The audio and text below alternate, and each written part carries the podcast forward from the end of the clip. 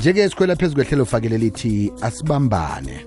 Nekukulapho esikhuluma khona ngenitshijilo nemraro abantu abakhubazekileko abahlangabezana nayo. Njengoba kuyinyanga yilutsha nje siqale amahlelo akhona esifundeni sempumalanga. Sikhambisana-ke nomnumzana ubheka wakwantandane. So sihlathulula nje ukuthi-ke siwenza njani ukuthi ahabe amahlelo akhona nayikhiba khona ngengwaphi? Eh lapha ke esifundeni sempumalanga. Ngikumemile wena umuntu omutsha okhubazekile ukuthi chidela ngoba ke kungenzeka eh bonganalwazi ukuthi kunamathuba khona eh kuneminyango eyahlukahlukeneko eqalelene nendingo zakho. Umuntu omutsha nje usakhamuse eSouth Africa eh kateleleki ukuthi uthuthukiseke njengawo wakho umuntu okhona eSouth Africa samkeleke isitekeli sethu namhlanje si ubaba untandane. Mnumzana lotshani. Ah lotsha msakazi ngibingelele bonke abalaleli FM emakhaya. Sithokoza ithuba lokuthi sicocisane nawe namhlanje singananzi indaba ezimnandi nendaba ezikhuthazako ebantwini abakhubazekileko ehlelweni asibambane. Eh msakazi angisho nje ukuthi sine si office le youth development lapha eMpumalanga office of the premier. Mhm. Sibuke ukuthuthukisa impilo zabantu abasha kungakhathalekile ukuthi bakuphi indawo but as long bala eMpumalanga. Mhm. Eh njengoba nokhulumisa iofisi lakanduna kule empumalanga ngengwaphi amahlelo eninawo wokuthuthukisa umuntu omutsha ngenyangabo nje? Angiqale msakazi ngisho ukuthi eh uJune lo eh, eSouth Africa wa declare as a youth month after isigameko zango 1976 eh kulomnyaka lo inyanga lesi celebrate ngesiqubulo esithi or iteam ethi accelerating youth economic emancipation for a sustainable future. Eh mangabuye ekhaya nje ngithi ngiyayi-interpreta or ngiya-translator sisho ukuthi isithubulo lithi ngalokukhulu ngalesikhulu isivinini siwuhulumende ifuna ukuthi abantu abasha eh, bakhululeke eh kwezomnotho. So that nasebakhulile bakhona ukuthi kuba nelikusasa liphakazile sikwenza kanjani ke lokho sesifunda? Namahlelo ekungasiwo kuphela azowenzeka nge-youth month lesikuyo kodwa unyaka wonke lo sikhona ukuthi sibendele mahlelo. Ngabe umsebenzi ezomabhizinisi kanye nama-basaries ezemfundo. Senzele ukuthi ikusasa labo bakhona ukuzimela ngoba siyabona isimo somnotho eh siyacekaceka eh ne-youth unemployment eh masibuka nje in the province. Eh uma kuphela ukota 4 ka previous financial year 2022-23 bese ku 48.4 as a province. Kuyasikhalisa kakhulu lokho ke ngakho ke eh ma departments akhonile nakumasipala ukusubmithela ma annual plans wabo with regards to youth development. Mm. so wamonitorisha on a quarterly basis mara nangingabuya manje ngize kwinyanga lesikuyo umsakazi ma-department asilethele ke um ngokuhlukahlukana kwawo namatiko ngoba asisebenzise odwane mm, mm. kule lona i-development i-development idinga sibe nawo onke ama-entities wethu south african ngenhlanhla we've got i-n y d a nabo-sida nabo-sifa kanye ne-private sector um the main event ye-youth month which is i-provincial youth day celebration i-province iyoyibambela lapha emsukane e, e, kwa-local municipality within the hersibane district municipality eh imhla ka-16 ngelizayo kambe-ke um siqalile nje inyanga le eh thina si-office of recruitment thina sicala sicale kahle ngoba on the eve of the month besinale provincial youth development coordinating forum. La besihleli khona nama-department okumasipala ne-civil society. Sikhona kuplana even going forward simepha indlela ezosebenza ngayo kuya phambili. Kodwa-ke ama-department aqalile ngokuhlukahlukana kwawo aney'hlelo azenzako for abantu abasha. Kodwa-ke ithi siwuhulumende wasempumalanga um nalesi khwama lesi lesi sibika kuthi premiers development fund. Kakhulu kakhulu sihambile ejanuwari senza ama-road shows sizama ukuthi abomasipala bafake iy'ncelo mali zabo ngebuningi because besibonile umasipala lebekhanda basubmit ama-few applications. Mm. eh kodwa-ke uzokhumbula nondanankulu after lokho ube suke la i-pronouncement ukuthi lesikhwama lesi kulo mnyaka imali kuwamele u-thirty percent of the budget allocated towards abantu abantu abasha abakhubazekile mm.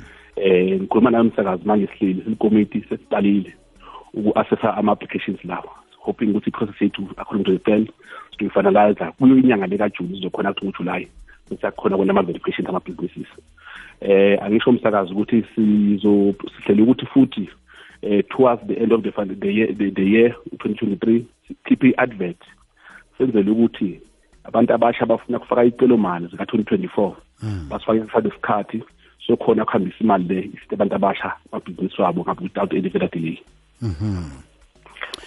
Njengombana eh ukhulumisa indaba ukuthi eh sekuvaliwe eh kodwa ke kuqalwe imbawo ezithunyelweko. Ungathanda ukuthini kulabo bekade bangazi eh ngaleli hlelo eh lesikhwama esino 30% ofale uqalane nabantu abakhubazekileko esikhulukhulu abantu abatsha?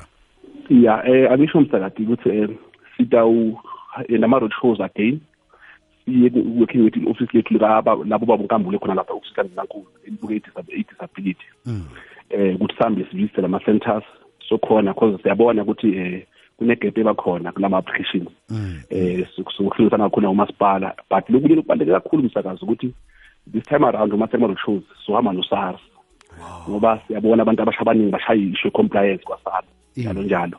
So bese kuyaba disadvantage ngoba phela suhulumende vele sifuna ukuthi uma umuntu simu assista abe naye comply with SARS. Yebo msakade. Akhe enange mhlambe ke umuntu ufuna ukuthola ilwazi elinabileko eh nga nge-information eninayo lapho eh mhlawumbe uapplyile nisitholile isibawo sakhe kodwa usesenembuzo eh engeneleleko. Nomunye ufuna uku-aplya umnyaka ozako usesenembuzo engeneleleko. Mhlawumbe ke kune ndlela anganithinda ngayo? Ngaba inomboro yomtato ngaba yi-website ngaba yi-email angakhona ukuthi ayisebenzise ukuthi akhona ukuthola imininingwane engeneleleko. Ya um msakathi impumalanga provincial government ine-facebook page. Bangayisesha abalaleli impumalanga provincial government on facebook. Eh siyabuya. Sibe ne-website ithi www mpumalanga gov za bayobona laphana eh ba-update akhona with regards i-fund. And i-website lena yakhona kuba linka to all the provincial departments akhona. Sesiyabuya msakazi. I-email esitholakala kuyo um i-office laka development ithi mydf at mpg gov za sengixolise kakhulu umsakathi bonke abalaleli abasha basempumalanga. Eh kunesikhathi bathi bayashaya ucingo uthola ukuthi ngeke alitholakali i-issue load shedding but ke ngoba ukayi-carrying government inamba ka Mr Bheka Ntandane lo ukhulumayo manje emsakazweni nayi ithi 076 8424296 ngizoyiphinda 076 84242 mnumzane ntandane sithokoze khulu ngomambala nemisebenzi emihle eniyenzako ngiba waniragele phambili. Eh senze isiqiniseka nje sokuthi eh, ilwazi elifana naleli ngama-road shows khona ukuthi-ke lifike nendaweni zemakhaya eh ebantwini abakude khulu nendawo ezimadorobho kwenzela ukuthi nabo bahlomule eminyangweni efana nale. Sibonga kakhulu msakazi sengivala nje angisho ukuthi eh, msakazi eh si office of the premier we've also um, ensured ukuthi the South African Unit Council which is a civil society body in the province. Yalaunchwa ilaunchiwe provincial structure. We will be working close hand in hand with municipalities so that they can launch their launch their local uh, South African councils mm -hmm. why? Sifuna ukuthi sazi from the ground ukuthi kwenzakalani lapha nalaphaya ndaba ezimnandi lezi. Khona umlayezo uzakhona ukuthi usuke ebantwini on the ground ukhona ukufika le ema-ofisini aphakemeko empumalanga. La sikhona. Thokoza kakhulu kwamambala um mnumzane ntandane. Ngiyabonga besikhulumisana naye ngubaba ubheka wakwentandane usebenzela ke office of the premier. Ndunakhulu wempumalanga ubathumile ukuthi-ke abenze nje. Lihlelo asibambane sikhuluma ngendaba zabantu abakhubazekileko sikhulukhulu-ke eh ilutsha. Njengobana kuyinyanga yelutsha nje ngiyacabanga ukuthi-ke nawe naikhibe ukhe wezwa eh umlayezo ofana nalo eh, uza kusikima-ke mntu omutsha kwenzela ukuthi nawe ube ngomunye wabahlomlako abanye ngiyacabanga ukuthi-ke bakuthumela imbawo lezi kucocwa ngazo la ukuthi-ke bakhona ukuthi nabo bazuze kulesi sikhwama esibekelwe abantu abakhubazekileko. Nangevekezako ngesikhathi esifanako ziza kuba khona leli elithi asibambane.